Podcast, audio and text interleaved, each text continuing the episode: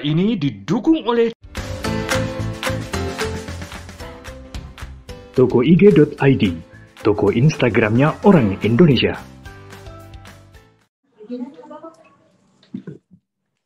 Selamat malam, warahmatullahi wabarakatuh. Salam warahmatullahi wabarakatuh. Waalaikumsalam warahmatullahi Perkenalkan, saya Iwan Sulaiman Sulaiman yang akan memandu talkshow diskusi Kades Iwan atau kajian desa bareng Iwan. Saya uh, Iwan Sulaiman Sulasno, pendiri desapedia.id. Acara ini merupakan kerjasama antara desapedia.id dengan TV Desa yang disiarkan secara langsung melalui uh, saluran YouTube TV Desa.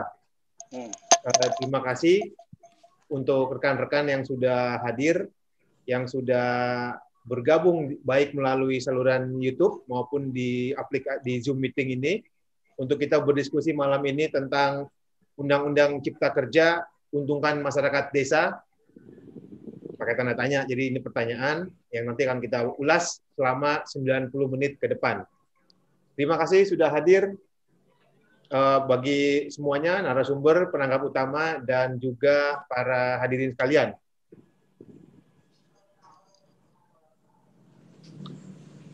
Baik. Bapak Ibu sekalian, uh, malam ini temanya tema yang memang sedang apa masih hangat dibicarakan. Kita akan bicara soal uh, Undang-Undang Cipta Kerja, uh, terutama klaster atau yang mengatur yang terkait dengan desa. Seperti yang ada di kerangka acuan, bahwa di, pas, di Undang-Undang Cipta Kerja memang ada pengaturan tentang Badan Usaha Milik Desa atau BUMDes, baik di pasal 117 maupun di pasal 109. Nah, bagaimana kemudian uh, Undang-Undang Cipta Kerja ini dapat memperkuat badan usaha milik desa sebagaimana yang telah diatur di dalam pasal 109 dan pas, pasal 117 kemudian dampaknya terhadap kesejahteraan warga desa dan paling penting bagaimana dampaknya terhadap uh, pengaturan badan usaha milik desa ke depannya. Nah, ada beberapa isu krusial yang kami catat di tim TV Desa dan Desapedia.id terkait dengan Undang-Undang uh, Cipta Kerja ini. Pertama soal tentu saja ini yang terus berlangsung selama lima tahun terakhir soal uh, tumpang tindih regulasi itu yang sesungguhnya masih menghantui uh, uh, perangkat desa dalam menjalankan undang-undang uh, desa dan semua aturan di bawahnya, termasuk undang-undang uh, Cipta Kerja yang baru disahkan dan rencananya memang akan ada peraturan pemerintah tentang BUMDes. Itu satu soal tumpang tindih regulasi. Yang kedua soal soal BUMDes itu sendiri, BUMDes dan BUMDesma. Eh, ada pengaturan di Undang-Undang Cipta Kerja, ada pengaturan di Undang-Undang Nomor 6 Tahun 2014 tentang desa. Kemudian isu-isu krusial lainnya adalah soal kerjasama antar desa. Itu yang juga eh, sesungguhnya juga diatur di dalam Undang-Undang Cipta Kerja dan juga sudah diatur sebelumnya di Undang-Undang Desa. Dan yang eh, terakhir tentu saja soal dana desa. Kemudian ada juga muncul soal UMKM dana desa yang juga itu dibunyikan di Undang-Undang Cipta Kerja. Nah, eh, Bapak Ibu sekalian, baik yang mengikuti lewat saluran YouTube TV Desa maupun melalui Zoom meeting ini, kita akan mengundang dua narasumber. Pertama, Pak Taufik Majid, Direktur Jenderal Pembangunan dan Pemberdayaan Masyarakat Desa atau PPMD Kementerian Desa, Pembangunan Daerah Tertinggal dan Transmigrasi, Kemendes PDKT. Beliau uh, saat ini sedang uh, tugas di Surabaya. Nanti sambil jalan beliau akan akan bergabung da, uh, dari Surabaya. Kemudian pembicara kedua adalah Pak Dr. Andes Ahmad Mukoam. Uh, beliau pernah menjadi ketua pansus pembentukan undang-undang desa di DPR RI. Kemudian juga Eh, jabatan terakhir menjabat sebagai Wakil Ketua DPD RI periode lalu, periode 2014-2019. Nah, eh, di forum ini juga kita mengundang empat penanggap utama.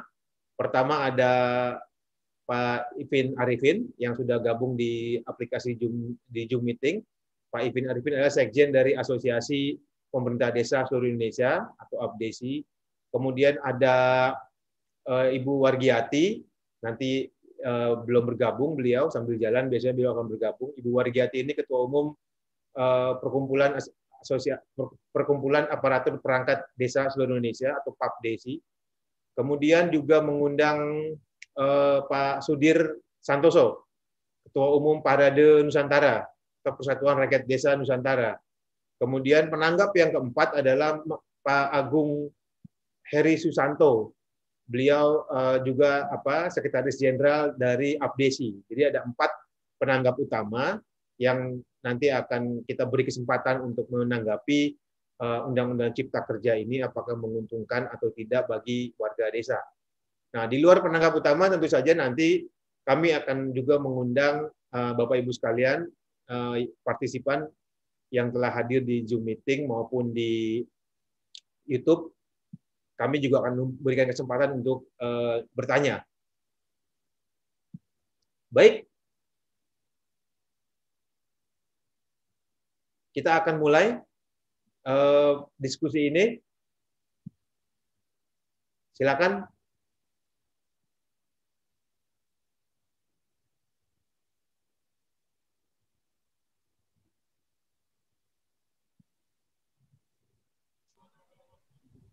Baik, sambil menunggu Pak Dirjen PPMD dari eh, yang saat ini insya Allah akan live dari Surabaya, kita akan beri kesempatan terlebih dahulu kepada Pak Ahmad Mukoam, Ketua Pansus Pembentukan Undang-Undang Desa dan Wakil Ketua DPD RI periode 2014 2019 Baik.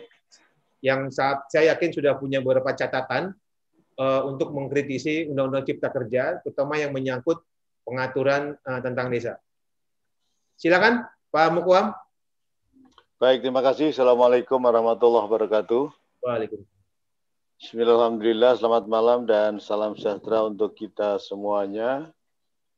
Mas Iwan, kemudian Kang Iping, kemudian Bu Argiati, Pak Sudir, dan Pak Agung, serta narasumber utama kita adalah Pak Taufik Majid. Eh, tentu kita bersyukur masih diberikan kesehatan oleh Allah Subhanahu wa taala Tuhan Yang Maha Kuasa sehingga kita masih bisa beraktivitas. Semoga aktivitas kita ini bermanfaat untuk masyarakat, bangsa dan negara. Ya, dalam rangka menuju cita-cita bersama tujuan nasional bangsa Indonesia. Mas Iwan dan kawan-kawan, saya ingin eh, pertama mestinya ini eh, Pak Taufik yang bisa menjadi pengumpan utama ya.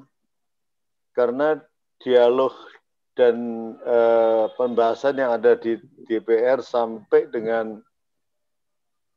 eh, tingkat satu dan tingkat dua, isu mengenai desa ini tidak mencuat ya kalau teman cuan itu dalam tatanan yang sifatnya terbatas gitu ya, sehingga eh, apakah kemudian bisa dikatakan ada substansi yang memang berpihak atau tidak berpihak, eh, sehingga eh, dan juga kanal antara masyarakat dan DPR berkaitan dengan ini ini terbatas.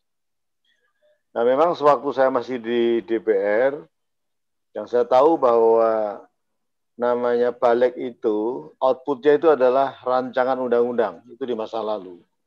Nah, mungkin tatipnya sudah berubah sehingga hari ini eh, apa namanya Badan Legislasi DPR itu sudah bisa membahas undang-undang sampai menjadi undang-undang untuk dilaporkan di dalam eh, rapat tingkat dua. Sehingga Mas Iwan dan teman-teman sekalian, pansus atau komisi yang terkait itu tidak terlibat secara efektif dalam membahas undang-undang ini.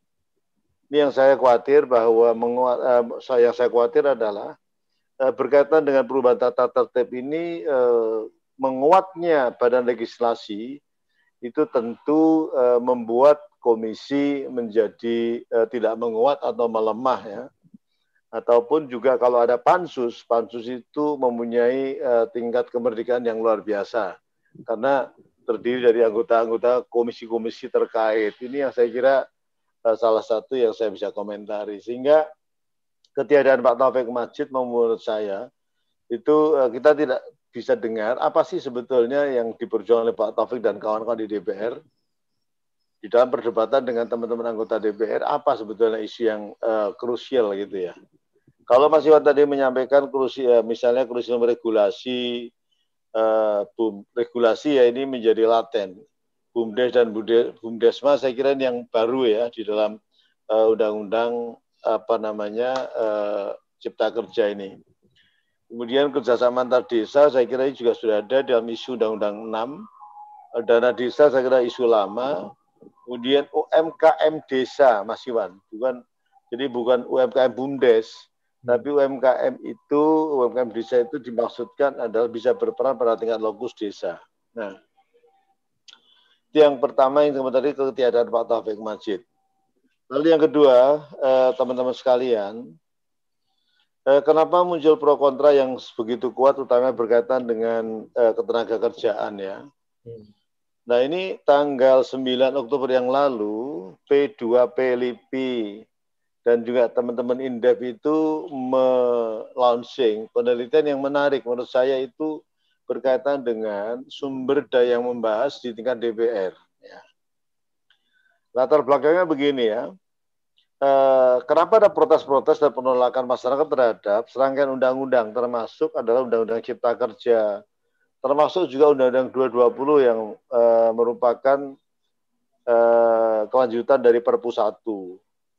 Kemudian tuduhan-tuduhan adanya konflik kepentingan, saya kira eh, kalau kemudian kita membaca hasil dari P2LIPI ini, ini kemudian kita mendapatkan satu fakta yang menarik ya karena ada tiga hal yang kita pertanyakan, yang dipertanyakan oleh penelitian. Pertama, komposisi pebisnis di DPR. Lalu yang kedua, potensi jaringan oligarki. Kemudian eh, pemetaan pebisnis dan jaringan oligarki. Sehingga eh, ini Mas Iwan, eh, vested latar belakang kepentingan eh, menurut asumsi yang dibangun oleh publik bahwa itu berkaitan dengan kepentingan dari masing-masing individu, individu anggota DPR. Nah, yang menarik Mas Iwan, jadi pebisnis yang ada di DPR itu jumlahnya 318 atau 50 318 atau 55,55 persen.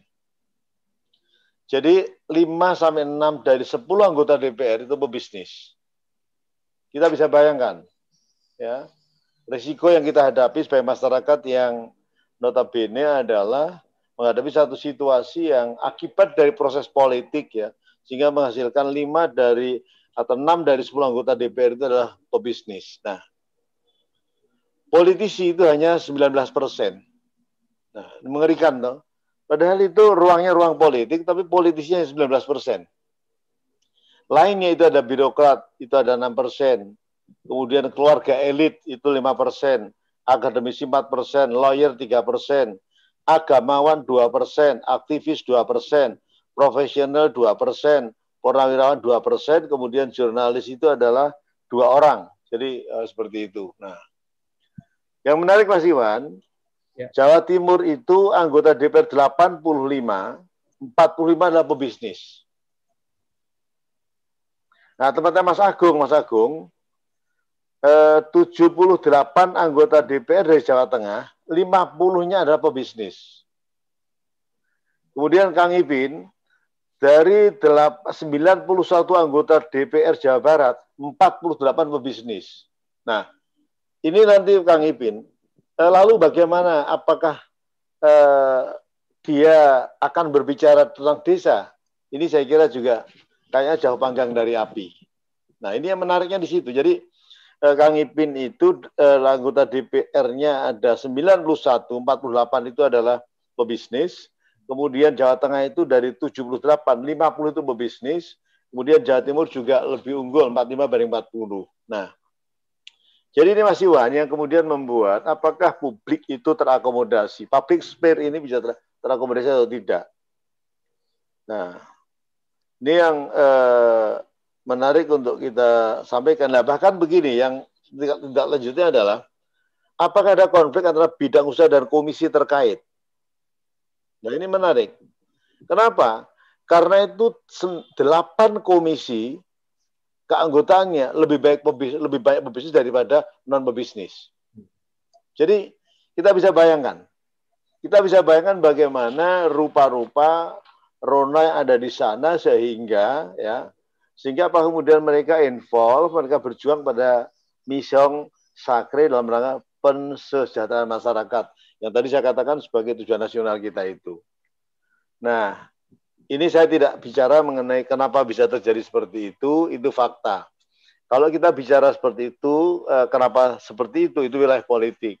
Jadi saya kira eh, banyak orang mengatakan bahwa kegagalan kita dalam hal politik itu eh, yang berimplikasi pada gagalnya partai politik di dalam membawa misi besar dalam hal apa namanya pemajuan masyarakat ini.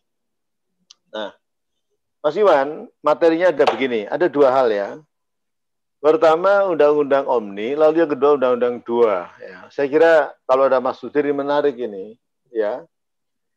Kalau kita bicara Omni, tadi Mas Iwan sampaikan ada paling tidak ada beberapa yang krusial ya. Ya menurut saya, menurut saya nih ya, uh, menurut saya kalau kemudian kita baca di dalam uh, undang-undang itu pasal 87 itu juga ada Mas Iwan. Ya. Ya, jadi BUMDes bagaimana dimaksud pada ayat 1 didirikan melalui penyertaan modal yang seluruh atau sebagian besar dimiliki oleh desa atau bersama eh, desa-desa berdasarkan penyertaan secara langsung yang berasal dari kekayaan desa yang dipisahkan. Nah, kalau kita melihat ini dan juga ya eh, definisi mengenai BUMDes saya kira kembali ya, saya kok rasa-rasanya setuju dengan substansi ini. Kenapa? Karena selama ini namanya BUMDes itu adalah pelaku ekonomi. Dia disetarakan dengan PT, dengan CV, dengan NV, dengan unit usaha dagang itu ya. Sehingga eh, saya mengajak kepada teman-teman semuanya, baik uh, Pak Iping Sekjen Abdesi, kemudian Mas Agung, ya, kemudian juga Mbak Sudir, kemudian juga Mbak Wargiati. Saya kira uh, kali ini pemerintah nampaknya dalam hal mendefinisikan, menormakan ini, ini benar. Ya. Jadi saya harus katakan, karena kalau kita mengalir dari definisi BUMDes di dalam Undang-Undang 6, ya, ya di dalam Undang-Undang BUMDes yang disebut BUMDes adalah Harusnya seluruh atau sebagian besar dimiliki oleh desa melalui penyertaan bla bla bla. Ini uh, sebetulnya adalah lain ya masyarakat dia. Jadi tidak ada perbedaan sama sekali. Ya, mengenai diri BUMDes. Yang baru adalah mengenai uh, badan usaha bersama desa-desa. Nah, ini yang saya kira uh, memang ini menjadi tantangan bagi teman-teman Eh, kita semua, desa, kepala desa, aparat desa, eh, yang concern pada desa, bagaimana kemudian badan usaha bersama desa-desa ini bisa uh, mencuat seiring dengan kepentingan lokus yang bisa lebih lebar, lokasi yang lebih lebar. Kepentingan jenis-jenis, kepentingan uh, keperluan yang bisa juga semakin uh, semakin luas. Kemudian juga kepentingan strategis desa-desa dalam misalnya satu kecamatan. Ya.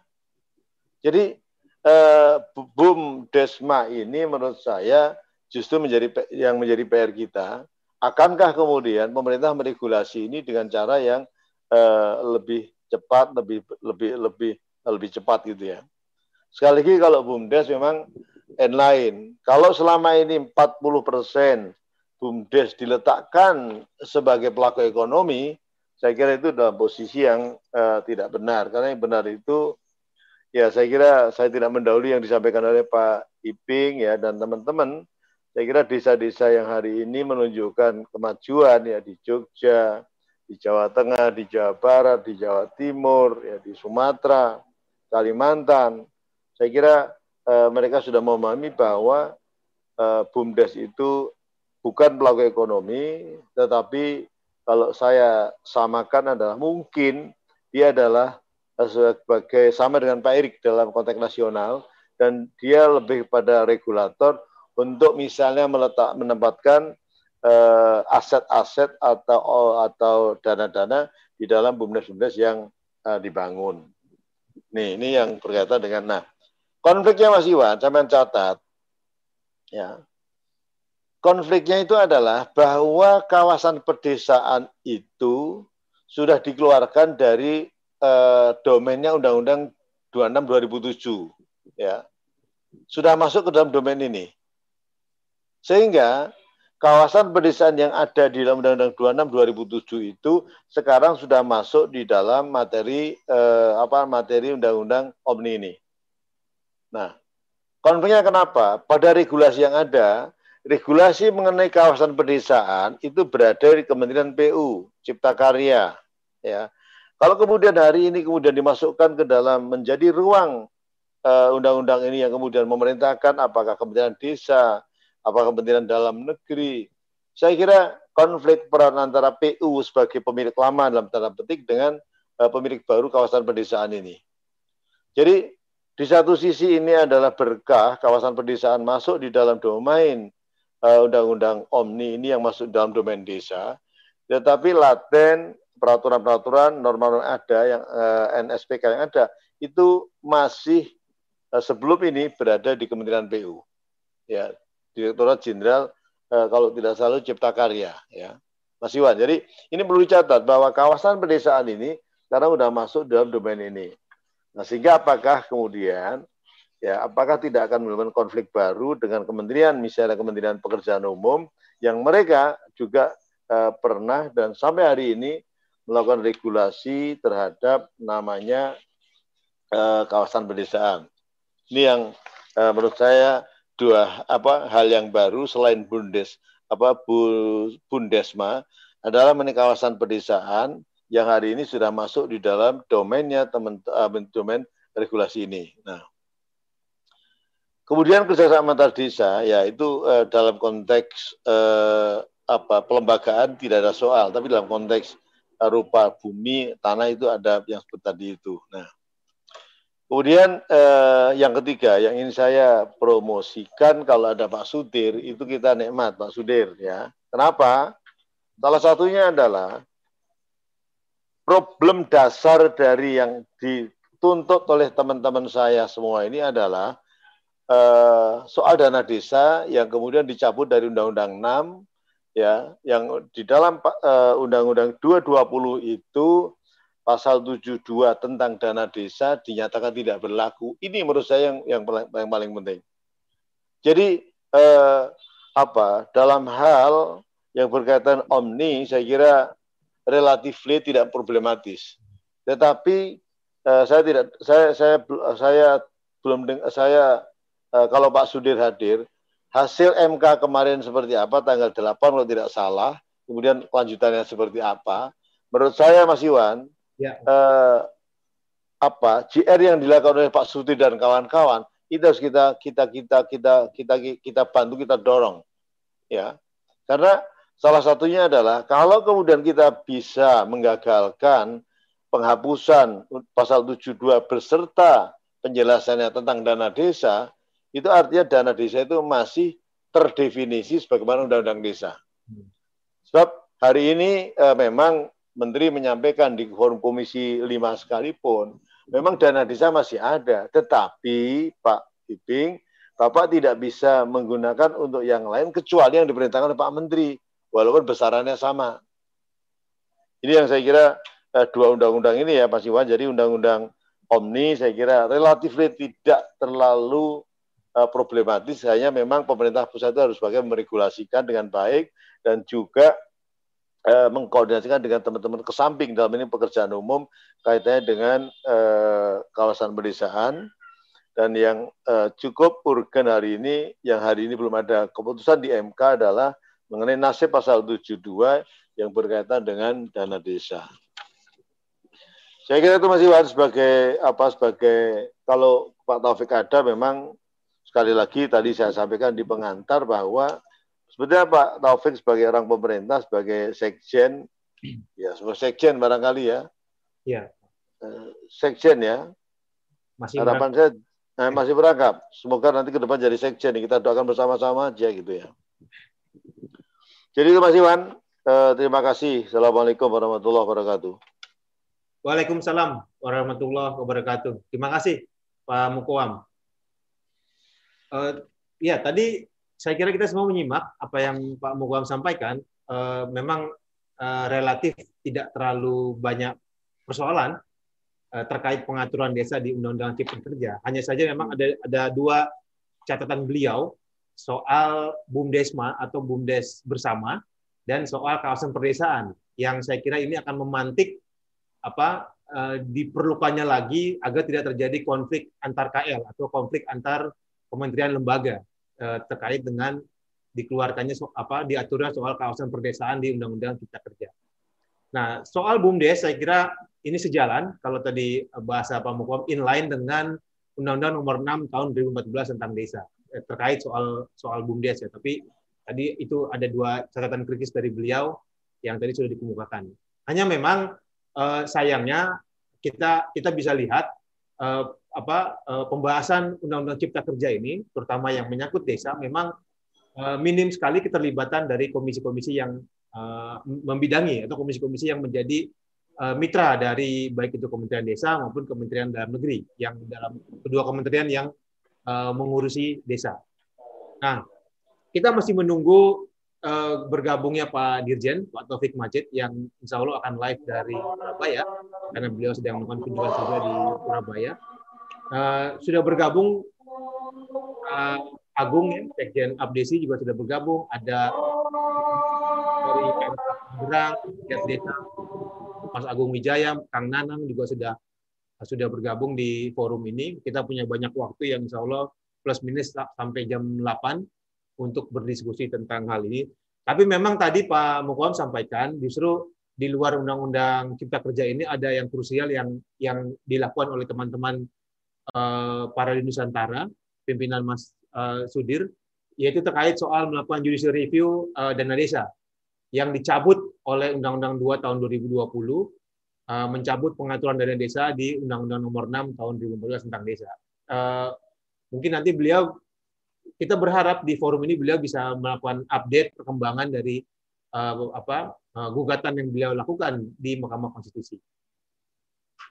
Selanjutnya Pak kita akan mulai penanggap utama sebelum nanti tentu saja akan ada sesi tanya jawab.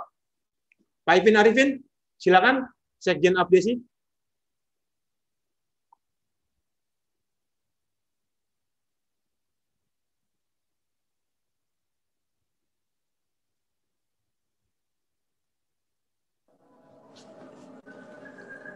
Ya, silakan Kang Sekjen. Assalamualaikum warahmatullahi wabarakatuh. Waalaikumsalam. Selamat malam, salam sejahtera kita semua. Yang kami hormati guru besar kami Bapak Ahmad Mungkawang. Yang kami hormati Pak Iwan, Mas Agung, dan rekan-rekan semua. Dan yang bergabung di YouTube channel TV Desa. Terima kasih saya sangat bangga sekali bisa bergabung dan memberikan sedikit ulasan atau masukan. Barusan sangat menarik sekali. Uh, ternyata harus jadi pengusaha, Mas Iwan, kalau ingin jadi anggota DPR itu. Barusan ternyata presentasinya sangat signifikan. Jadi ini adalah RU yang paling cepat mungkin ya. Februari 2020, Oktober sudah rampung karena pelakunya pelaku bisnis jadi uh, bagus sekali itu. Tapi alhamdulillah di situ ada dua pasal yang menyatakan bahwa peran-peran usaha dalam bidang perekonomian itu akan memberikan sebuah pencerahan baru kepada desa melalui badan usaha milik desa dan UKM desa. Di dalam pasal 109 tadi sudah disebutkan dan 117, saya sangat menarik dan sangat mendukung. Tapi dengan salah satu sisi itu regulasi itu sebenarnya mudah untuk ditetapkan, tapi implementasinya yang agak sedikit repot ini. Mestinya ini harus banyak sekali undang-undang cipta kerja ini memang harus ada sebuah tim khusus untuk memberikan sebuah sosialisasi kepada masyarakat. Ini buktinya sekarang terjadi konflik ya yang pro dan kontra terhadap undang-undang ini karena ini proses penciptaan regulasi ini sosialisasinya agak kurang. Jadi terjadilah beberapa komponen yang pro dan kontranya mengakibatkan ya bisa dilihat oleh kacamata kita sendiri. Tapi mudah-mudahan melalui kebijakan pemerintah ke depan, karena ada dua pasal yang mengarah kepada bagaimana lembaga ekonomi desa yang disebut dengan BUMDes ini bisa lebih maju dan kuat dan berkembang melalui berbagai regulasi yang ada. Memang numpuk sekali nih, apalagi nanti ada sebuah lembaga uh, perwakilan negara ya senator, grup senatornya akan sedang merancang undang-undang BUMDes. Hmm. Ini pro dan kontra akan terjadi. Kenapa harus terjadi regulasi baru lagi untuk menciptakan sebuah khusus undang-undang tentang BUMDes? Itu mungkin sah-sah saja pemikiran mereka-mereka. Tapi yang penting bagi masyarakat desa hanya satu. Bagaimana menciptakan lapangan kerja yang seluas-luasnya dan memberikan input terhadap kesejahteraan masyarakat desa. Mau BUMDes, mau apa pun bentuk lembaga ekonomi, yang penting bagaimana terakomodir sebuah komunitas rakyat desa. Yang kedua, rakyat bisa sejahtera. Yang ketiga, tidak usah banyak meninggalkan desa. Desa lebih condong untuk tinggal di desa untuk memupuk sebuah pengembangan ekonomi desa, rakyat desa itu nggak usah untuk jadi TKW, untuk menjadi apa peserta setiap tahun datang ke kota besar sebagai urban mencari tenaga kerja. Udahlah, masyarakat serang berembuk. Dana-dana yang ada di tiap-tiap sektor kementerian, Pak Ahmad nih, tolong untuk di untuk bisa dirangkul jadi contoh Menteri Sosial punya peran, punya program untuk di desa. Menteri Tenaga Kerja pun juga ada. Menteri Kesehatan ada. Terus Menteri Hukum HAM juga ada. Menteri Sosial ada. Termasuk Menteri Pendidikan. Nah, kenapa tidak digabung dalam sebuah wadah? Bagaimana menciptakan desa lebih maju? Ya, mudah-mudahan dengan Undang-Undang 6 2014 adanya dana desa. Tapi kan seolah-olah dana desa itu tadi ada sedikit peruntukannya dirubah yaitu oleh peraturan baru yaitu Undang 22 itu. Nah mungkin ya saya juga mungkin ini pemikirannya mungkin pemikiran saya agak sedikit kurang begitu berkembang beda dengan pemikiran mungkin merubah undang-undang pasal tujuannya untuk mensejahterakan mungkin teknis dengan dan sedikit uh, bingung juga bagi sebagian masyarakat desa dengan adanya perubahan pasal 76 itu yaitu eh, 72 itu yaitu tentang dana desa. Nah, kita menyoroti kepada mudah-mudahan mau mau apa berlipat mau tumpang tindihnya regulasi yang penting satu tadi bagaimana menciptakan lapangan kerja baru yang bisa permanen untuk masyarakat desa itu tidak lari keluar desa, pemuda yang mempunyai pemikiran yang luas, pemikiran yang apa luar biasa, tenaga yang masih produktif, kenapa mereka harus hengkang dari desa?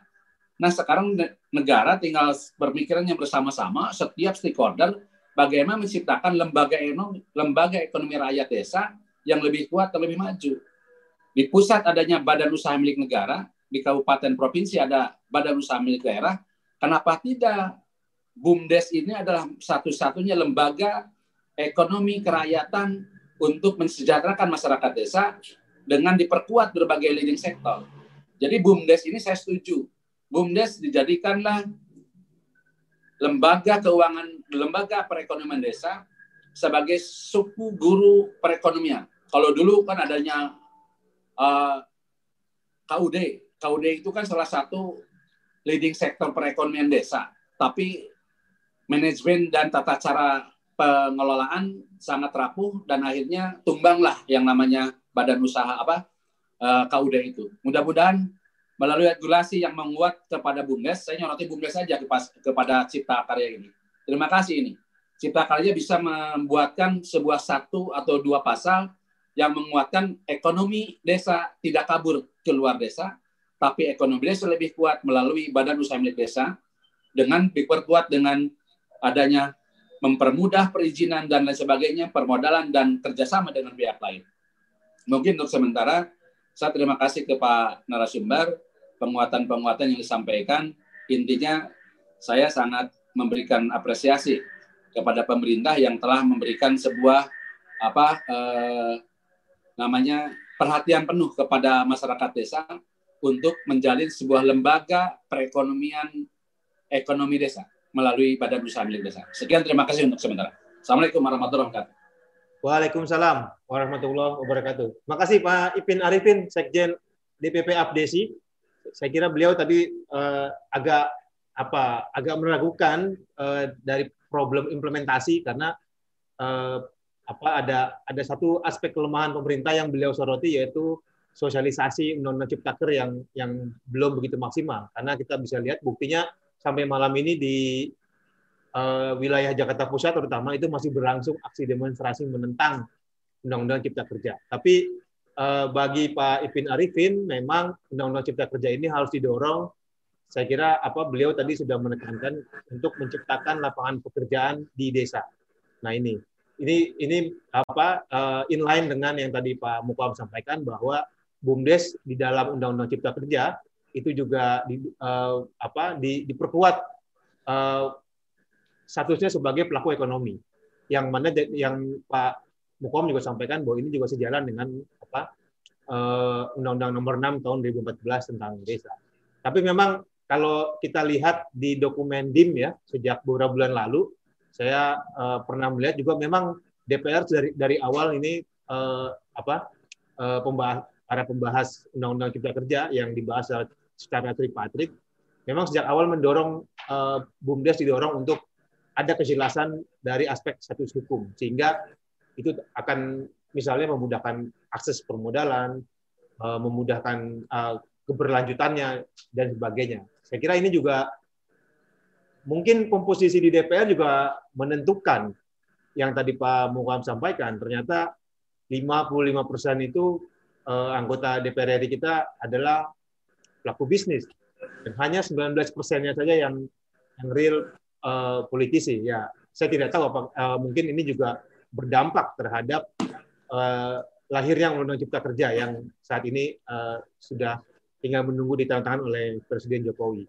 Nah, bahkan Kementerian Desa sudah menyiapkan draft eh, apa PP-nya, draft peraturan pemerintah eh, yang insya Allah mungkin di episode berikut kita akan eh, bahas karena ada ada perintah dari Undang-Undang Cipta Kerja untuk eh, kelanjutan pembahasan soal BUMDes ini akan eh, melalui PP yang merupakan turunan dari Undang-Undang Cipta Kerja. Nah, saya menyapa dulu rekan-rekan yang baru hadir ada Pak, saya biasa manggil Pak Kiai Amang ini, politisi dari Jawa Barat, senator anggota DPD RI dari Jawa Barat. Terima kasih sudah gabung eh, Pak Haji Amang Sarifudin. Selanjutnya penanggap berikutnya saya kasih kesempatan ke Pak Agung Heri, Sekjen DPP Abdesi yang sudah bergabung juga di aplikasi Zoom Meeting di Zoom Meeting ini. Assalamualaikum. Pak Agung, Pak Sekjen, Assalamualaikum.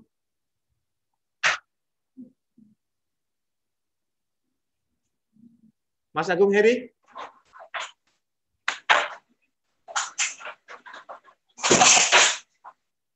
Halo, halo. Ya. Suaranya jelas, Mas. Oh iya. Maaf ini tadi agak gangguan sinyal karena biasa di desa listrik padam masih biasa. Yeah. Terima kasih. Assalamualaikum warahmatullahi wabarakatuh. Waalaikumsalam. Eh, Pak Mukoam yang terhormat, serta narasumber yang lain, eh, Pak Ipin, serta Mas Iwan, dan ikan-ikan semua yang saat ini lagi on di eh, meeting Zoom. Eh, pada topik kali ini mungkin sebenarnya lagi lagi in ya untuk omnibus law yang saat ini lagi uh, apa gencar-gencarnya mungkin menjadi isu nasional karena merupakan hal baru dan demikian juga bagi kami teman-teman di desa para kepala desa juga hal yang sangat baru juga itu dengan eh, adanya satu regulasi yang dituangkan di dalam uh, omnibus law ini. Kemudian uh, terkait dengan desa, kalau kami simpel saja sebenarnya, masyarakat desa itu kan cenderung uh, apa menghendaki sebuah hal itu yang gampang, mudah, simpel dan tidak terlalu ribet. Sehingga kalau semangat dari undang-undang uh, Cipta Kerja ini adalah untuk mempermudah, ini sebenarnya semangatnya uh, inline juga dengan kami para kepala desa dan teman-teman perangkat desa maupun warga masyarakat desa. Sehingga pada prinsipnya adalah eh, kami sangat menunggu sekali bagaimana final dari Undang-Undang Cipta Kerja yang saat ini lagi mungkin eh, dibahas untuk finalisasinya dalam arti adalah tindak lanjut dari pelaksanaan undang-undang tersebut. Kemudian fokus untuk BUMDes bahwa eh, BUMDes semangat BUMDes ini sebenarnya kan sudah muncul semenjak adanya Undang-Undang 32 2004. Waktu itu ditindaklanjuti di PP 72 tahun 2005.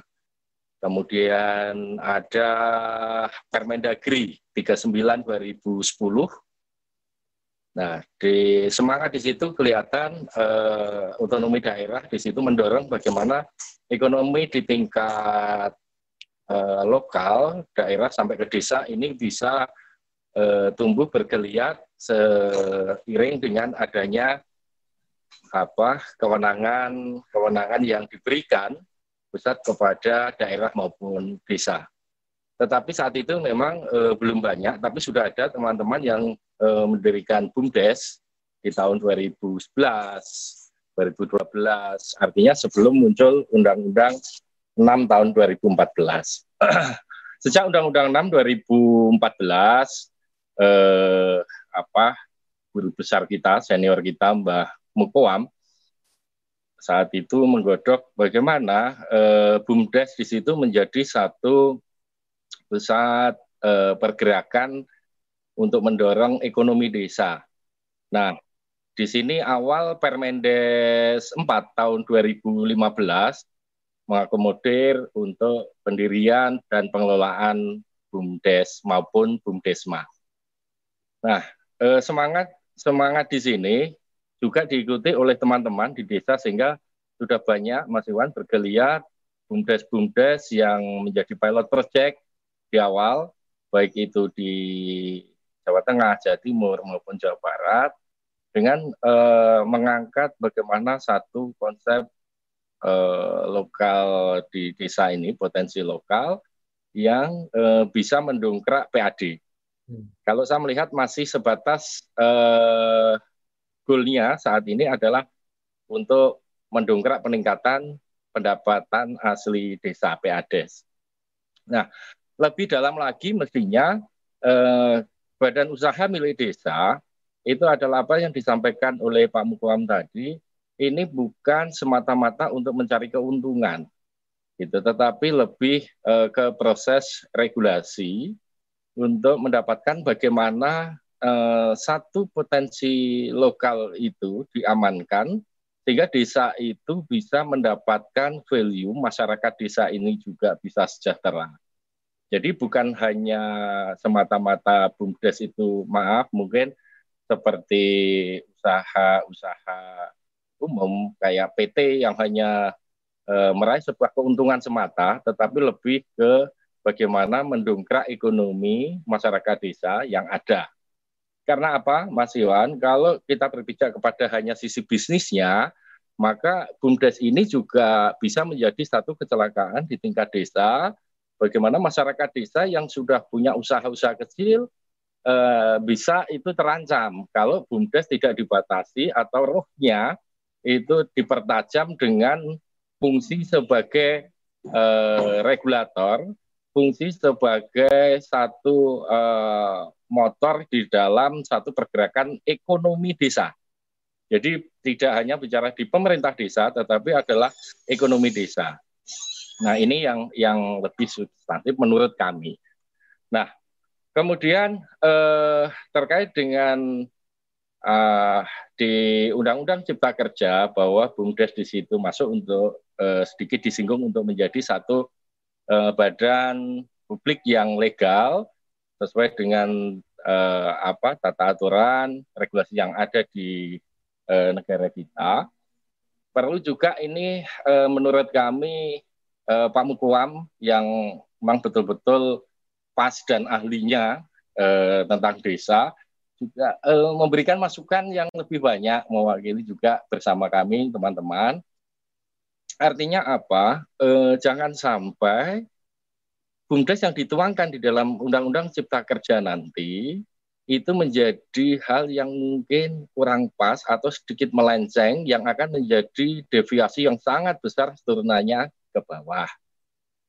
Nah, badan usaha milik desa yang saat ini mungkin dituangkan untuk untuk diberikan satu kepastian eh, hukum pendiriannya maupun kelembagaannya, inilah yang perlu juga di sangat perlu dicermati eh, agar tadi sesuai dengan roh daripada BUMDes itu sendiri. Uh, sudah beberapa kali kami mengadakan diskusi, Mas Iwan, dari ya. dulu, bagaimana statusnya. Kalau BUMDes itu dibuat kooperasi, ini nggak masuk. Dasarnya adalah kalau kooperasi adalah milik anggota, padahal ini adalah milik masyarakat desa. Kemudian kalau PT, PT ini adalah uh, milik satu uh, corporate di situ, siapa yang pemegang saham seperti itu. Nah, kemudian kalau ini pemegang saham, apakah uh, status masyarakat desa nanti bagaimana di sini? Itu juga masih jadi perdebatan. Kalau yayasan juga yayasan tidak ada penyertaan modal. Uh, kalau memang kita tujuan untuk social oriented murni, yayasan, tapi ini juga tidak. Bagaimana ada social oriented maupun di sini juga ada satu bisnis oriented tetapi dibingkai di dalam satu pemberdayaan eh, ekonomi desa, masyarakat desa. Nah, inilah yang mungkin eh, lebih cermat lagi di dalam mengemas nanti di dalam turunan dari Undang-Undang Cipta Kerja terkait dengan badan usaha milik desa. Tidak kalah penting mestinya eh, bagaimana nanti pelaksanaan di dalam BUMDes untuk membahas regulasi ini naskah akademik itu juga sangat sangat sangat mungkin menjadi hal yang awal pintu masuk ini yang penting untuk apa kita kaji bersama itu sehingga bagaimana tidak terkesan mungkin kejar tayang hmm. tapi di situ ada beberapa hal yang nanti membuat terjeda sehingga tujuan utama yang sebenarnya adalah ini sangat mulia dan baik mungkin nanti uh, akan terciderai dengan beberapa uh, langkah yang mungkin tidak on di situ. Nah, ini uh, beberapa catatan catatan kami. Kemudian uh, tadi sampaikan oleh Pak Mukwam juga bahwa jangan sampai ini ada overlapping, ada satu uh, apa friksi dan paradok di antara undang-undang uh, yang lain. Barangkali kalau semangat cipta kerja yang saya saya apa saya pahami dan sementara yang saya mengerti bahwa kalau ini tujuannya adalah justru untuk menjadikan satu penyatuan apa regulasi agar tidak tadi terjadi pergi dan tumpang tindih mestinya ini eh, harus cukup waktu di dalam mengkaji. Contoh saja Mas Iwan saya di Cepu di wilayah Cepu Blok Cepu Kabupaten Blora Jawa Tengah. Di sini ada potensi sumber minyak yang dari zaman Belanda dulu sangat luar biasa ada sumber-sumber tua di sini yang masih produktif yang bisa dikelola. Nah, di Permen ESDM nomor 1 eh, tahun 2008 disebutkan bahwa sumber tua itu boleh dikelola oleh KUD garis miring atau badan usaha milik daerah BUMD, ya KUD atau BUMD. Nah, di sini peran BUMDes bagaimana? Saya sudah berkali-kali waktu itu dengan Prof. Erani, juga teman-teman di Kemendes, Pak Menteri juga saya sampaikan. Terus bagaimana BUMDes ini bisa enggak gitu? Nah, di situ selama ini karena izin prinsip itu ke SDM maupun ke Pertamina, BUMDes ini belum terakomodir, Mas. Nah, contoh hal-hal seperti inilah barangkali nanti itu potensi yang ada di, di lokal desa, contoh di desa. Tapi kita mesti lintas kementerian, uh, untuk melakukan satu perizinan maupun melakukan uh, satu apa pengelolaan usaha di situ. Nah, kalau nanti ini masuk Undang-Undang Cipta Kerja dan di situ adalah tujuannya untuk mempermudah proses ini, jangan sampai yang saya katakan tadi terjeda dengan hal-hal seperti itu sehingga juga eh, bagaimana yang disampaikan Pak Mukowan untuk mengamankan aset bahwa itu adalah aset desa, potensi desa, bagaimana itu bisa eh, termanfaatkan. Nah, kemudian yang selanjutnya adalah eh, terkait dengan Undang-Undang Cipta Kerja barangkali tadi sampaikan Mas Iwan juga di Jakarta ini masih banyak ada demo-demo atau hal-hal lain. Eh, kami dan teman-teman di desa sebenarnya Undang-Undang Cipta Kerja ini eh, kita anggap bahwa tidak ada persoalan di tingkat desa sampai saat ini. Karena menyinggung BUMDes tadi, maka kami hanya titip untuk membuat regulasi di tingkat pusat eh, agar cukup waktu lah. Eh, kemudian yang kedua, kami asosiasi sangat siap barangkali juga sedikit berharap eh, apa masukan-masukan untuk diskusi bersama dengan kita. Kemudian saya hormat sekali dengan Pak Mukwam yang sangat paham tentang desa bagaimana ada satu forum yang bisa kita untuk diskusi sehingga di dalam penuangan eh, regulasi lebih lanjut ini bisa aplikatif dan user friendly bagaimana desa masyarakat desa dengan SDM-nya yang sering kali disinggung disinggung di situ eh, bisa betul-betul mengaplikasikan regulasi ini dengan mudah, tidak terlalu berbelit, tidak membuat satu eh, apa penyusahan bahkan penyesatan di tingkat desa. Mungkin sementara itu Mas Iwan, terima kasih. Assalamualaikum warahmatullahi wabarakatuh. Waalaikumsalam warahmatullahi wabarakatuh. Terima kasih Pak Agung Heri, Sekjen DPP Abdesi uh, dari kediamannya di Jawa Tengah. Saya kira uh, menarik juga dari catatan beliau ya bahwa sejauh ini bagi masyarakat desa uh, diharapkan Undang-Undang Cipta Kerja akan menguntungkan warga desa karena tidak ada persoalan yang sangat substantif dari pasal-pasal yang sudah dirumuskan di pasal di Undang-Undang Cipta Kerja. Hanya saja memang uh, beliau berharap agar peraturan pemerintah yang menjadi turunan dari uh, Undang-Undang Cipta Kerja ini, terutama yang mengatur BUMDes itu uh, apa sejalan sejalan dengan uh, Undang-Undang Cipta Kerja itu sendiri karena saya kira Pak Mukwam mungkin ntar bisa cerita bahwa lima tahun terakhir ini ada banyak pengalaman ketika dirumuskan PP, Permendagri, Permendes dan sebagainya itu justru malah membuat uh, jauh dari undang-undang itu sendiri. Nah, itu ada ada pengalaman di di Undang-Undang Nomor 6 tahun 2014 tentang desa yang dalam catatan misalnya dulu DPD RI pernah memberikan catatan ada banyak eh, aturan-aturan uh, di bawah Undang-Undang Desa yang justru itu uh, bertentangan dengan undang-undang desa. Kita berharap tentu saja PP yang akan nanti dirumuskan oleh Kementerian Desa dan pemerintah tentu saja ini juga tidak lagi bertentangan dengan Undang-Undang Cipta Kerja, terutama tadi pengaturan soal uh, BUMDes ya. Baik, uh, sudah hampir sudah tinggal 30 menit lagi waktu kita untuk berdiskusi. Saya akan lihat dulu di daftar uh, peserta apakah Kawan-kawan dari Desi sudah hadir. Bu Wargiati atau Pak Bu Wargiati? Mas Sudir juga dari Parade Nusantara belum nampak join, belum nampak gabung di Zoom meeting ini sampai saat ini.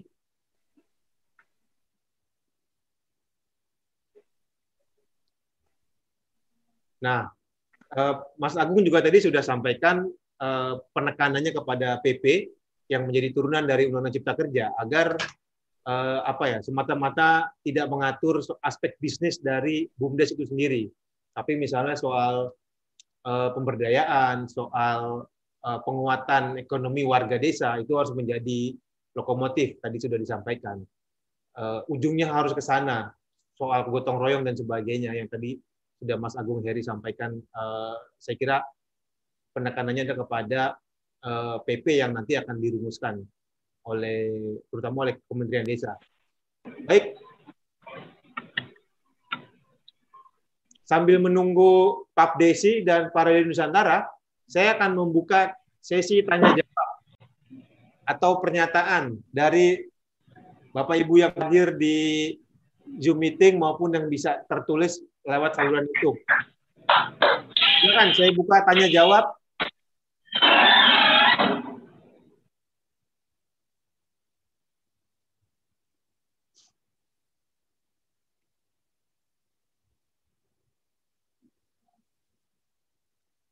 Oke, uh, Pak sambil Amang, Pak menunggu Amang. dan mempersiapkan, Pak Amang, Pak Amang, mohon berbicara.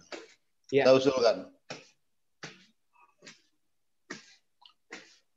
Pak Amang, mangga Halo, Pak. halo, Assalamualaikum. Waalaikumsalam warahmatullahi wabarakatuh. Terima kasih udah gabung, Pak Kiai. Sama-sama Pak Iwan, Pak Mokowam juga ada kan? Sudah hadir. Ya, Pak Amang. Siap. Ya, saya datang. Yang lainnya, DPP Abdesi dan semuanya, terima kasih. Apa? Kak? Hah? Oh, boleh langsung ini? Mana? Langsung Pak Amang. Enggak. Bentar. Saya lagi ada meeting juga, tapi tetap saya ingin ikut. boleh iki lho. Tiba. Terima kasih. Mohon maaf. Assalamualaikum warahmatullahi wabarakatuh. Waalaikumsalam. Salam.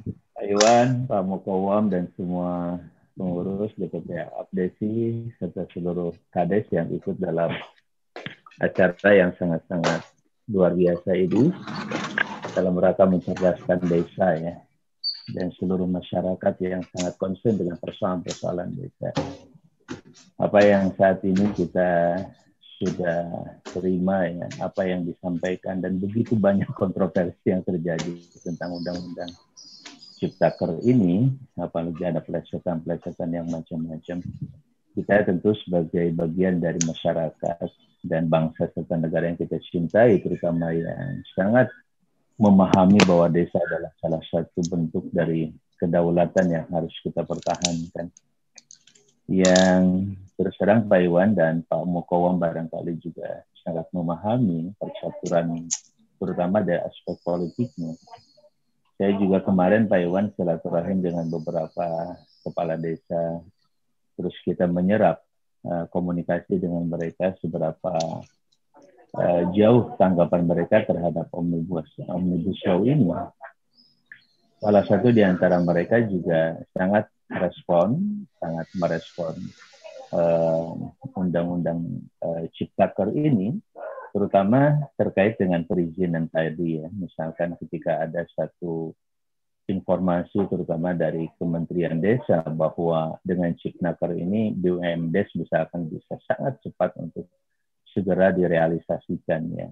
Hanya persoalannya kan begitu besarnya undang-undang ini dan begitu banyak yang diurus oleh undang-undang ini. Saya setuju dengan pemukawam tadi memang perlu waktu yang cukup uh, untuk mengkaji secara objektif ya pentingnya omnibus law ini. Atau mungkin bisa ditunda atau juga mungkin bisa segera diputuskan. Ya tapi kan uh, banyak aspek yang dilihat dari persoalan-persoalan ini. Sehingga uh, dalam konteks ini kita juga sangat-sangat uh, apa itu sangat-sangat memahami perkembangan-perkembangan yang ada di sini. Nah kemudian uh, tentu saja saya juga ingin memberikan ketika seberapa butuh kita saat ini kepada omnibus law dalam konteks desa misalkan kemudian dalam konteks-konteks yang lainnya juga. Mungkin dalam konteks pengusaha ada yang sangat merespon sangat-sangat positif dan sangat-sangat manfaat untuk meningkatkan uh, iklim investasi di Indonesia. Walaupun itu oleh beberapa pakar seperti Pak siapa Pak Faisal Basri misalkan mengkritisi bahwa kondisi investasi Indonesia ini juga sangat sangat bagus sekarang sekarang ini sangat bagus luar biasa. Cuman tingkat penyerapannya saja yang tidak cukup baik ya. Kalau bahasa beliau ada bahasa cacing di dalam perut segala macam yang dikatakan dengan korupsi dan seterusnya. Nah kita tentu tidak sementara tidak masuk kepada persoalan-persoalan seperti itu, tapi kita kan tetap juga harus memahami dampak dari undang-undang ini terhadap persoalan-persoalan desa. Misalkan dalam uh, klaster pertambangan, klaster pangan dan lain sebagainya, dan salah satunya juga bagaimana lahan-lahan uh, yang dibutuhkan apakah hanya di kisaran uh, kehutanan kota yang kita juga sadar ya bahwa seluruh negara yang kita cintai ini kan dibagi habis dalam desa ya atau kepada desa. Sehingga tidak ada persoalan yang terkait dengan pertambangan terkait dengan uh, kehutanan terkait dengan pangan dan lain sebagainya yang tidak ada hubungannya dengan persoalan desa. Ini penting kita cermati bersama-sama dan kita harus menjadi uh, penjaga kedaulatan negara yang kita cintai ini terus terang saja dan itu basis yang paling utama adalah desa itu sendiri Satu contoh misalkan saya ingin memberikan sebuah gambaran. Kalau saja kebutuhan mendesak adalah untuk memberikan uh, semacam lapangan kerja kepada 30 juta. Sekarang ada program yang namanya program Pora ya Pak Iwan ya. Dengan uh, kemarin Pak Iwan pasti mengikuti uh, perkembangan di Komite 1 ya ketika kita melakukan RDP baik dengan Kementerian Agraria maupun dengan Kementerian Kehutanan. Di kehutanan tidak kurang dari 12 juta untuk uh, kehutanan sosial dan itu sangat terbuka untuk kawasan Jawa. Kemudian kalau uh, untuk redistribusi uh, atau reforma agraria di kehutanan uh, masih mencapai ada 4 juta hektar bukan 4 juta meter tapi 4 juta hektar yang sangat luas. Nah kalau saya kalkulasi untuk Tora saja misalkan, atau reforma agraria yang di bawah kehutanan yang 4 juta tuh Pak Iwan, ditambah dengan yang di apa yang ada di bawah Kementerian Agraria tidak kurang dari 9 juta. Itu saja sudah 14 juta. Katakanlah eh, katakanlah 13 juta. Belum lagi kalau bicara tadi tentang kehutanan sosial, yang itu juga pasti ada di desa-desa terkait dengan kita di Indonesia ini Nah, yang 12 juta tambah 13 juta sudah 25 juta. Kalau masing-masing orang menggarap saja nih Pak Pak Besi ya, menggarap misalkan kita bagi yang satu hektar itu rata-rata mereka menggarap tadi diharapkan supaya masyarakat yang mendapatkan pekerjaan itu sangat ajib begitu, nggak cuma ikut kerja di perusahaan, sesudah itu kemudian dipecat, kemudian kejar lagi, dipecat lagi. Tapi kalau dia mengelola lahan, yang besarnya, besarnya katakanlah 1000 meter rata-rata. 1000 meter itu kalau satu hektar dibagi 1000 rata-rata 10. Jadi kalau sekarang ada 25 juta dikalikan 10 itu sudah 250 juta yang bisa mengelola lahan itu. Bukan lagi hitungannya hitungan kepala keluarga, itu sudah hitungan individu. Kalau bicara 30 juta, yang 25 juta tadi misalkan satu orang satu hektar itu akan selesai di situ saja. Baik, dan Pak. luar biasa ini uh, menjadi satu masukan ya mohon maaf Pak Iwan sebagai sebuah perbandingan saja ketika kita bicara tentang lapangan kerja ternyata desa bisa untuk menampung para pekerja ini bekerja bersama dengan kami didistribusi ke desa-desa apalagi itu juga terkait dengan Kementerian Desa yaitu transmigrasi. Kalau yang 30 juta itu ditransmigrasi, insya Allah selesai sehingga Omnibus Law barangkali tidak hari ini untuk kemudian mengambil porsi terhadap persoalan-persoalan yang 30 juta uh, yang sedang mencari dan membutuhkan lapangan kerja itu. Itu adalah eh, pertimbangan-pertimbangan uh, yang lain yang saya yakin bahwa desa bisa mengajukan pemikiran-pemikiran seperti itu dalam memberikan solusi karena di tengah uh, kontroversi yang seperti ini kita juga belum bisa memastikan apakah omnibus law akan betul-betul diputuskan kemudian bisa dijalankan ataukah akan terhambat oleh berbagai macam kontroversi yang terjadi saat sekarang ini. Maka perlu ada pemikiran-pemikiran yang lain untuk bisa memberikan semacam solusi terhadap persoalan ini. Barangkali itu Pak Iwan sedikit Baik, Pak Amang. saya terkait dengan Omnibus Law ini. Assalamualaikum warahmatullahi wabarakatuh. Baik, terima kasih. Waalaikumsalam warahmatullahi wabarakatuh. Saya kira memang betul yang uh, beliau sampaikan, isu-isu reforma agraria sesungguhnya inline dengan uh, apa dengan isu-isu desa, tapi memang jarang sekali uh, hal ini dibahas lebih lanjut. Dan tadi beliau sudah sampaikan ya. bahwa karena objek reforma agraria itu sebenarnya bisa menjadi apa alat eh, instrumen untuk penyediaan lapangan pekerjaan di desa. Uh, sebelum dibuka lagi tanya jawab, akan ada closing statement ya pernyataan uh, ini dari Pak Pak Mukoam. Pak Mukoam, sebelum beliau pamit undur diri dari forum ini, Oh, Pak Muhammad sudah pamit ya.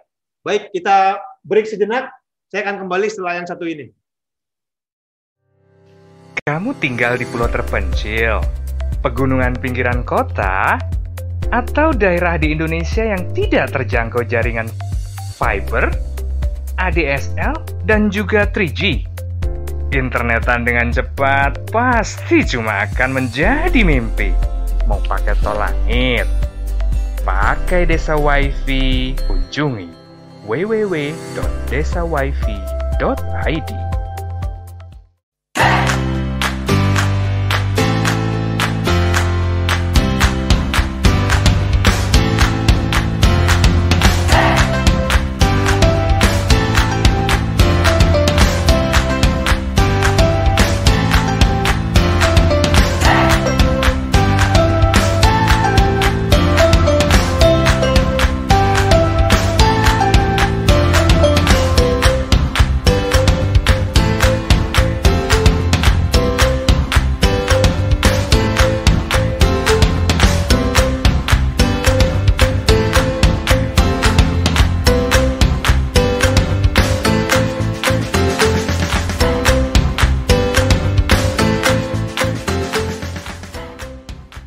toko IG.id, toko Instagramnya orang Indonesia.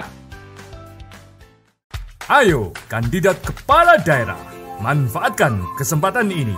TV Desa mengundang Anda bicara desa. 5 menit bisa. Bicara Desa. Sebuah program tayangan monolog, konsep membangun dari desa. Dari kandidat untuk masyarakat. 5 menit bisa. Bicara Desa. Hanya di TV Desa. Kamu tinggal di pulau terpencil, pegunungan pinggiran kota, atau daerah di Indonesia yang tidak terjangkau jaringan fiber, ADSL, dan juga 3G. Internetan dengan cepat pasti cuma akan menjadi mimpi. Mau pakai tol langit, pakai desa wifi, kunjungi www.desawifi.id.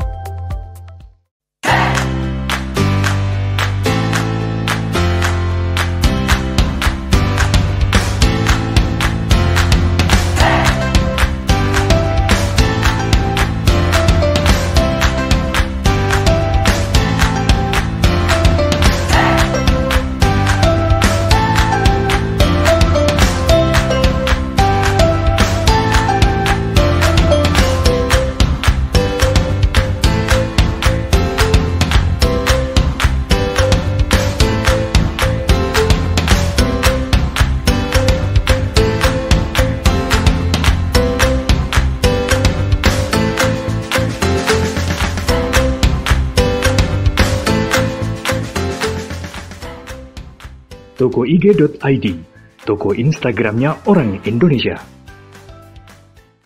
Ayo, kandidat kepala daerah, manfaatkan kesempatan ini.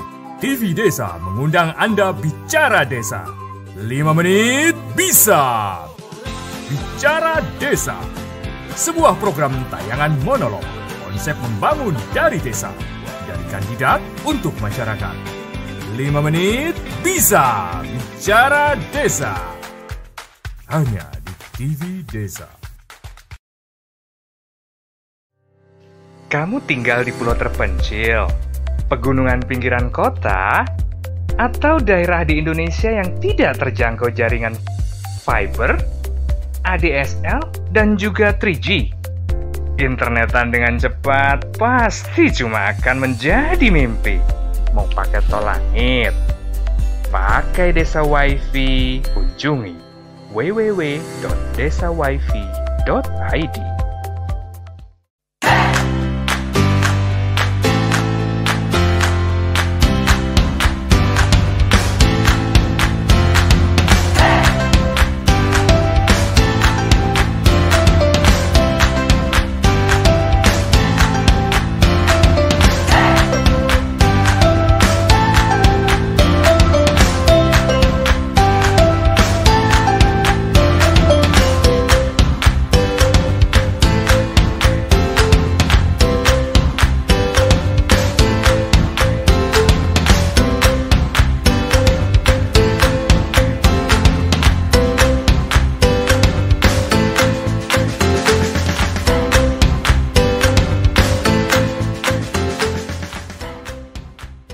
toko IG.id, toko Instagramnya orang Indonesia.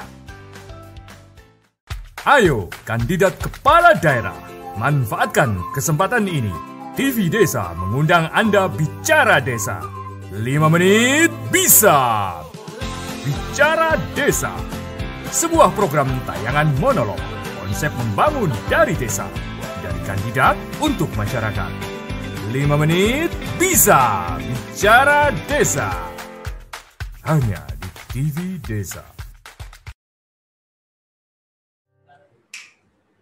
Baik, kita kembali lagi ke Talkshow Kades Iwan atau Kajian Desa bareng Iwan yang disiarkan secara langsung oleh TV Desa melalui saluran, saluran YouTube TV Desa dan bisa bergabung di Zoom Meeting. Acara ini terselenggara berkat kerjasama antara TV Desa dengan desapedia.id. TV Desa adalah uh, saat ini uh, studio berada di Komplek Kementerian Desa Pembangunan Daerah Tertinggal di Kalibata, Jakarta Selatan. Dan terima kasih bagi rekan-rekan yang masih bergabung di uh, acara talk show ini. Uh, masih belum bergabung memang, baik itu Pak Dirjen, kemudian dari Pak Desi, dan dari Paralel Nusantara. Sayang sekali memang uh, waktu yang hampir selesai ini, ketiga narasumber maupun penanggap sampai saat ini juga uh, belum belum bergabung di Zoom meeting kita bersama. Saya buka kembali tanya jawab berikut ini atau mungkin Pak Pak Agung atau Pak Ipin Arifin ingin memberikan tanggapan dan komentar. Pak Ipin Arifin.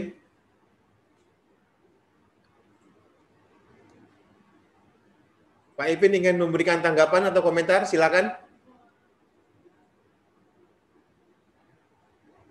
Terkait yang tadi sudah disampaikan baik oleh Pak Mukoam, Pak Agung maupun Pak Amang Safrudin. Ya, buka Pak. Ya.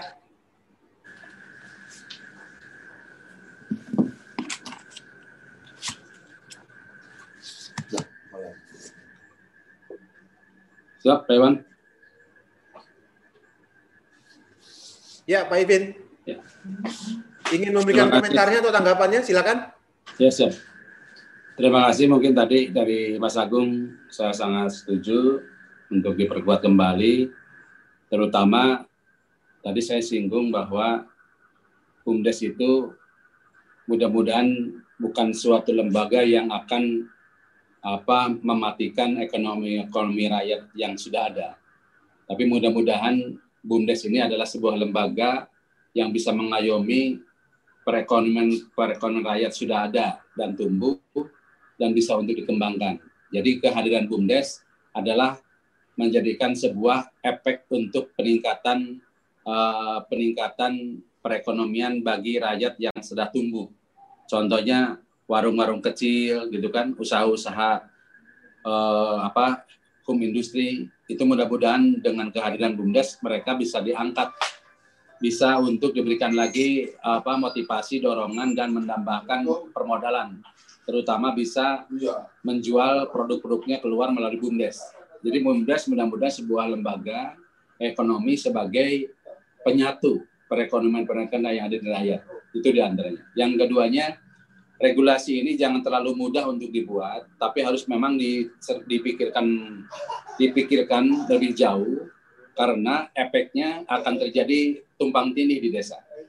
Jadi masyarakat desa kayak tadi Mas Agung betul, kita simpel, ringan, mudah, bisa dicermati, bukannya menjelimet melalui berbagai aturan-aturan yang telah ditetapkan oleh pemerintah. Jadi antara undang-undang sampai turunannya itu benar-benar harus harus ada kesinambungan. Karena di sini masih terjadi ada ego-ego di antara lembaga-lembaga yang tinggi. Kementerian satu dengan ada suatu kesepahaman dalam menentukan regulasi supaya bisa diterima oleh masyarakat desa atau pemerintah desa dengan bersama-sama begitu. Jangan sampai menteri ini punya program desa, menteri ini punya desa, akhirnya terjadilah penumpukan yang tidak bisa dilaksanakan dengan sebaik mungkin. Dan yang ketiga, tolong BUMDes ini jangan seolah-olah dimiliki oleh sebuah kelompok. Tapi BUMDes ini benar-benar dimiliki oleh masyarakat desa yang pengawasan dan pembinaannya itu benar-benar harus lebih ketat, lebih harus lebih eh, apa terarah. Kita seperti jadi lembaga ekonomi di tingkat desa ini sampai hari kelihatan signifikan, belum kelihatan matang. Sejak orde-orde dari ke belakang itu sudah kita kenal. Tadi saya sebutkan kooperasi unit desa itu kan sangat gencar di tiap-tiap desa itu diberikan fasilitas, diberikan orangnya dan segala macam per- permodalan. Tapi karena pengawasan dan monitoring dan pembinaan dari pemerintah atau dari hierarki atasnya kurang pengawasan, maka akan terjadilah sebuah kekelepan. Oleh karena itu mudah-mudahan BUMDes yang sudah banyak yang sudah tumbuh dan berkembang mudah-mudahan bukan dijadikan sebuah apa untuk memperkaya diri sebuah kelompok, tapi ini adalah untuk mengkaper perekonomian di tingkat desa. Saya setuju ke Pak Kiai, saya dari Bandung Pak Kiai, mudah-mudahan apa yang disarankan oleh Pak Kiai tadi memberikan sebuah motivasi dorongan kepada masyarakat desa untuk lebih bersama-sama memanfaatkan fasilitas sarana prasarana yang ada untuk lebih dinikmati dan dirasakan oleh masyarakat desa. Mudah-mudahan apa yang disampaikan program Bapak nanti terutama di Jawa Barat kami tunggu nih kepada Bapak untuk Pak Kiai untuk bisa bersama-sama sharing dengan kami bagaimana peluang-peluang yang bisa ditangkap oleh masyarakat desa. Dan yang terakhir, mudah-mudahan ini jangan tumbukan juga nih kepentingan-kepentingan uh, sebuah kementerian. Tadi di Undang-Undang Omnibus Law, apa Gus Law ya, itu dari Cipta Kerja. Ini mudah-mudahan nanti jangan ada keegoan-keegoan kementerian untuk membuatkan sebuah regulasi, akhirnya dia hanya menciptakan saja, tapi implementasinya yang sangat tidak signifikan. Jadi kuncinya di negeri kita itu biaya anggaran untuk sosialisasi itu sangat minim. Kalau di negeri luar Foto. itu segala regulasi dari pemerintah sampai ke bawah ya. itu sarana dan prasarana fasilitas ya, sosialisasi itu sangat di apa sangat besar sekali. Kalah dengan rokok kan.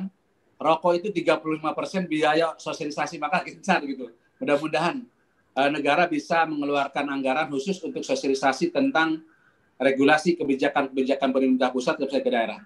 Ini mudah-mudahan sosialisasi itu kan berbagai cara, mulai bintek, mulai apa seminar dan segala macam. Kayak di Baik, Mas Sekjen. Karena untuk uh, apa mudah-mudahan lebih sukses, lebih maju kembali. Sekian terima kasih. Mohon maaf. Assalamualaikum warahmatullahi wabarakatuh. Waalaikumsalam warahmatullahi wabarakatuh. Baik Pak Sekjen, saya kira uh, penting memang catatan beliau tadi satu soal jangan ada lagi tumpang tindih regulasi. Kemudian uh, tentu saja kita semua menunggu kita semua menunggu seperti apa peraturan pemerintah uh, tentang BUMDes yang merupakan turunan dari Undang-Undang uh, Cipta Kerja ini. Kemudian beliau juga tadi tekankan uh, agar BUMDes uh, justru harus mengayomi pelaku ekonomi kecil di desa. Jangan justru kemudian tadi uh, kami apa beliau sampaikan BUMDes jangan justru menjadi uh, eksklusif uh, hanya milik elit desa semata yang itu tidak ada apa tidak uh, membangun kepemilikan dari uh, masyarakat atau warga desa. Nah,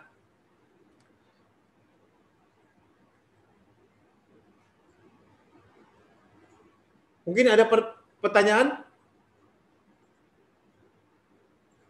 dari hadirin yang ada di gabung di Zoom meeting. Saya kasih kesempatan untuk bertanya atau menanggapi narasumber dan penanggap utama? Silakan.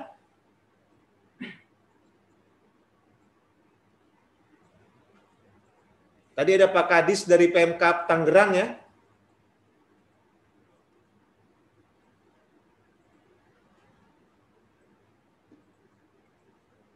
Ada Pak, Sugi, Pak Sugianto. Ada yang ingin disampaikan Pak Sugianto?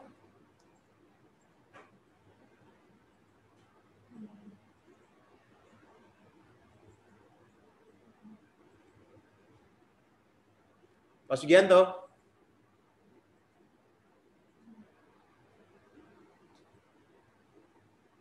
Mas Agung Wijaya, monggo Mas.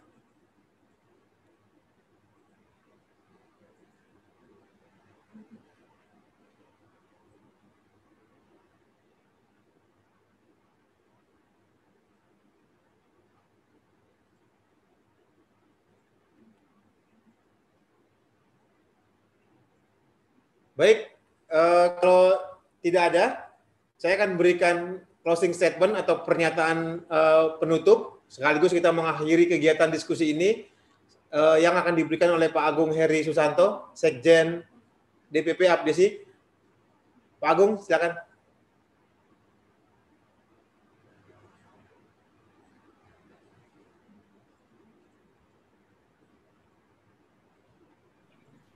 Terima kasih Mas Iwan. Ya, bisa didengar ya? Ya, jelas Pak Agung. Ya, makasih sebelum uh, mungkin closing statement ya, karena mestinya Pak Mukuam lah ini, beliau mungkin ada acara. Sebelumnya kami mau menanggapi Pak Amang Safrudin ya. Silakan. Pak Amang Safrudin, uh, kebetulan beliau DPR RI apa DPD ya? Di DPD RI Pak. Oh DPD Komite 1. Komite 1. Oh iya. Ini Pak, uh, barangkali nanti sedikit uh, bagaimana yang rencana kemarin di pembahasan uh, RUU BUMDes yang diinisiasi uh, apa Komite 1 dalam prolegnas kan sudah masuk ya. Ya. Terus dengan adanya ini Undang-Undang Cipta Kerja ini, apakah ini juga uh, include atau sudah menjadi satu bagian di situ ataukah terpisah? uh, akan muncul undang-undang tersendiri BUMDes itu. Kemudian yang kedua masukan dari kami kepala desa perangkat desa. Uh, jujur kami memang di desa dan uh, selama ini banyak komentar-komentar bahwa di desa SDM-nya masih kurang dan sebagainya. Tetapi semangat teman teman-teman warga desa saat ini, pemuda desa, para kelompok milenial sudah banyak yang mau bergabung di pemerintah desa baik sebagai kepala desa maupun perangkat desa, Bapak sehingga sedikit banyak SDM kami juga sudah meningkat lah tidak eh, apa tidak begitu begitu yang mungkin minir yang mungkin disampaikan beberapa hal SDM bisa selalu rendah.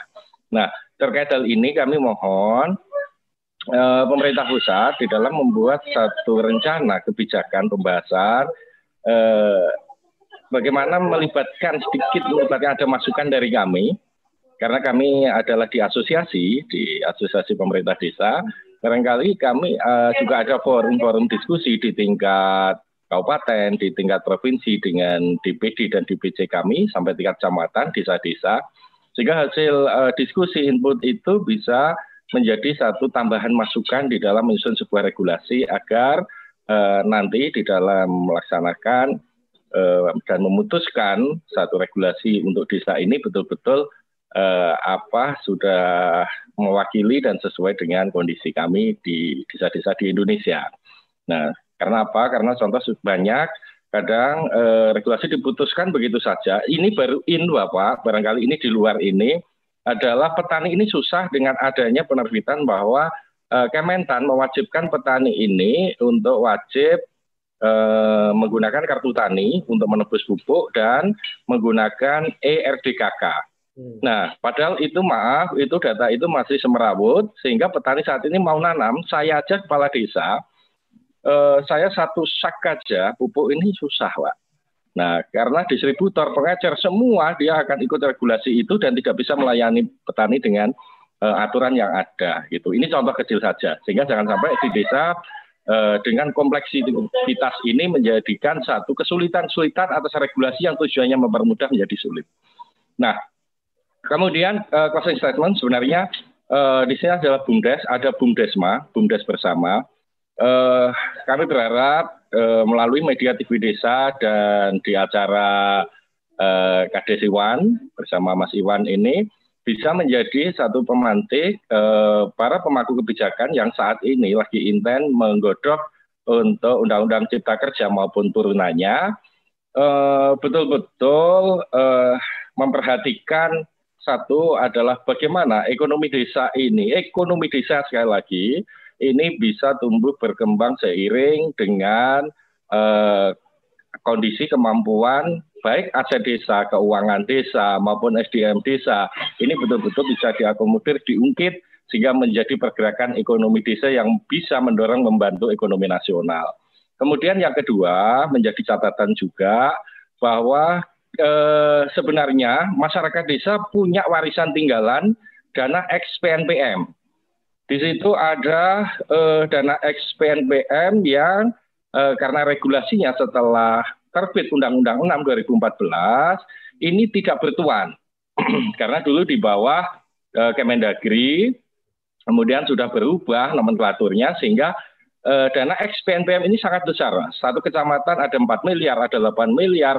Ini se-Indonesia luar biasa jumlahnya. Tapi sampai saat ini masih bingung menggunakan eh, cantolan apa untuk bergerak. Dan saat ini masih eksis, masih jalan. Dana di eh, baik UPK, BPK tingkat kecamatan, XPNPM itu masih jalan. Nah ini juga perlu diakomodir di dalam pelaksanaan Undang-Undang Cipta Kerja dalam penataan uh, ekonomi desa karena ini adalah betul-betul dulu dana hibah yang ini statusnya adalah sudah milik masyarakat desa. Nah ini mau dikemanakan, bagaimana aset ini masih bergerak, pelakunya masih ada, tetapi tidak memiliki cantolan, cantolan hukum. Dia sebagai apa di situ, cantolannya apa? Permen, undang-undang belum ada. Sehingga ini semangat baru mengingatkan barangkali ini bisa diakomodir sehingga dana XPNPM ini bisa diamankan yang sekaligus bukan hanya diamankan untuk diambil tetapi diamankan untuk bisa berguna bagi ekonomi masyarakat desa. Mungkin itu Mas Iwan sekali lagi mohon maaf atas segala keterbatasan dan kekurangan. Sukses selalu untuk TV Desa. Wassalamualaikum warahmatullahi wabarakatuh.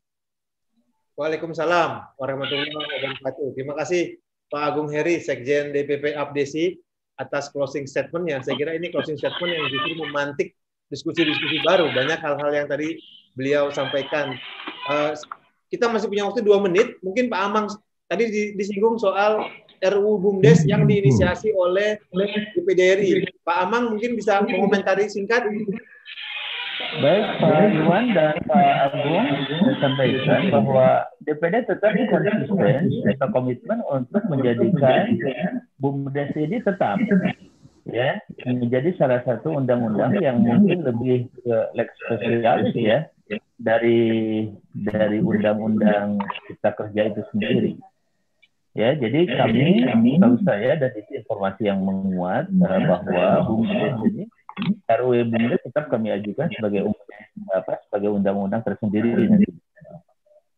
Nah, kaitan dengan apa yang disampaikan oleh Pak Agung yang lain-lain, kita tentu dalam mengantisipasi Undang-Undang Ciptaker ini perlu ada dua plan, Iwan.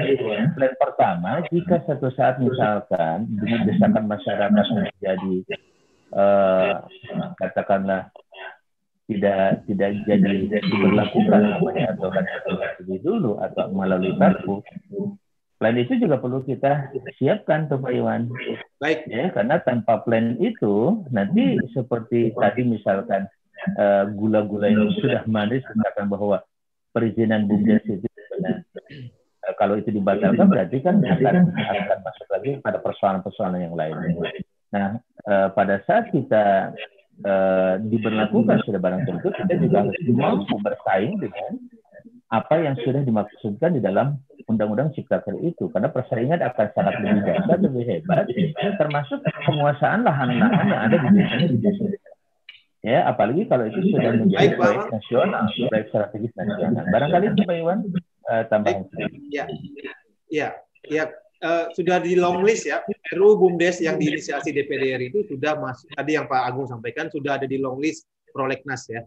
Baik, kita sudah di penghujung acara. Terima kasih banyak untuk semua narasumber, Pak Amang, Pak Agung, Pak Ipin Arifin, Pak Mukwam yang sudah pamit, dan semua rekan-rekan yang lain yang hadir. Mohon maaf atas uh, segala kekurangan yang hadir dalam diskusi kali ini. Kita akan kembali bertemu Selasa depan dengan tema yang berbeda yang insya Allah akan jauh lebih menarik. Terima kasih, selamat malam. Assalamualaikum warahmatullahi wabarakatuh. Waalaikumsalam.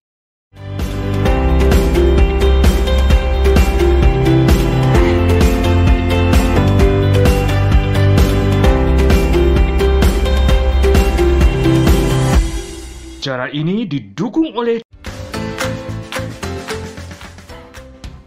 Toko IG.id, toko Instagramnya orang Indonesia.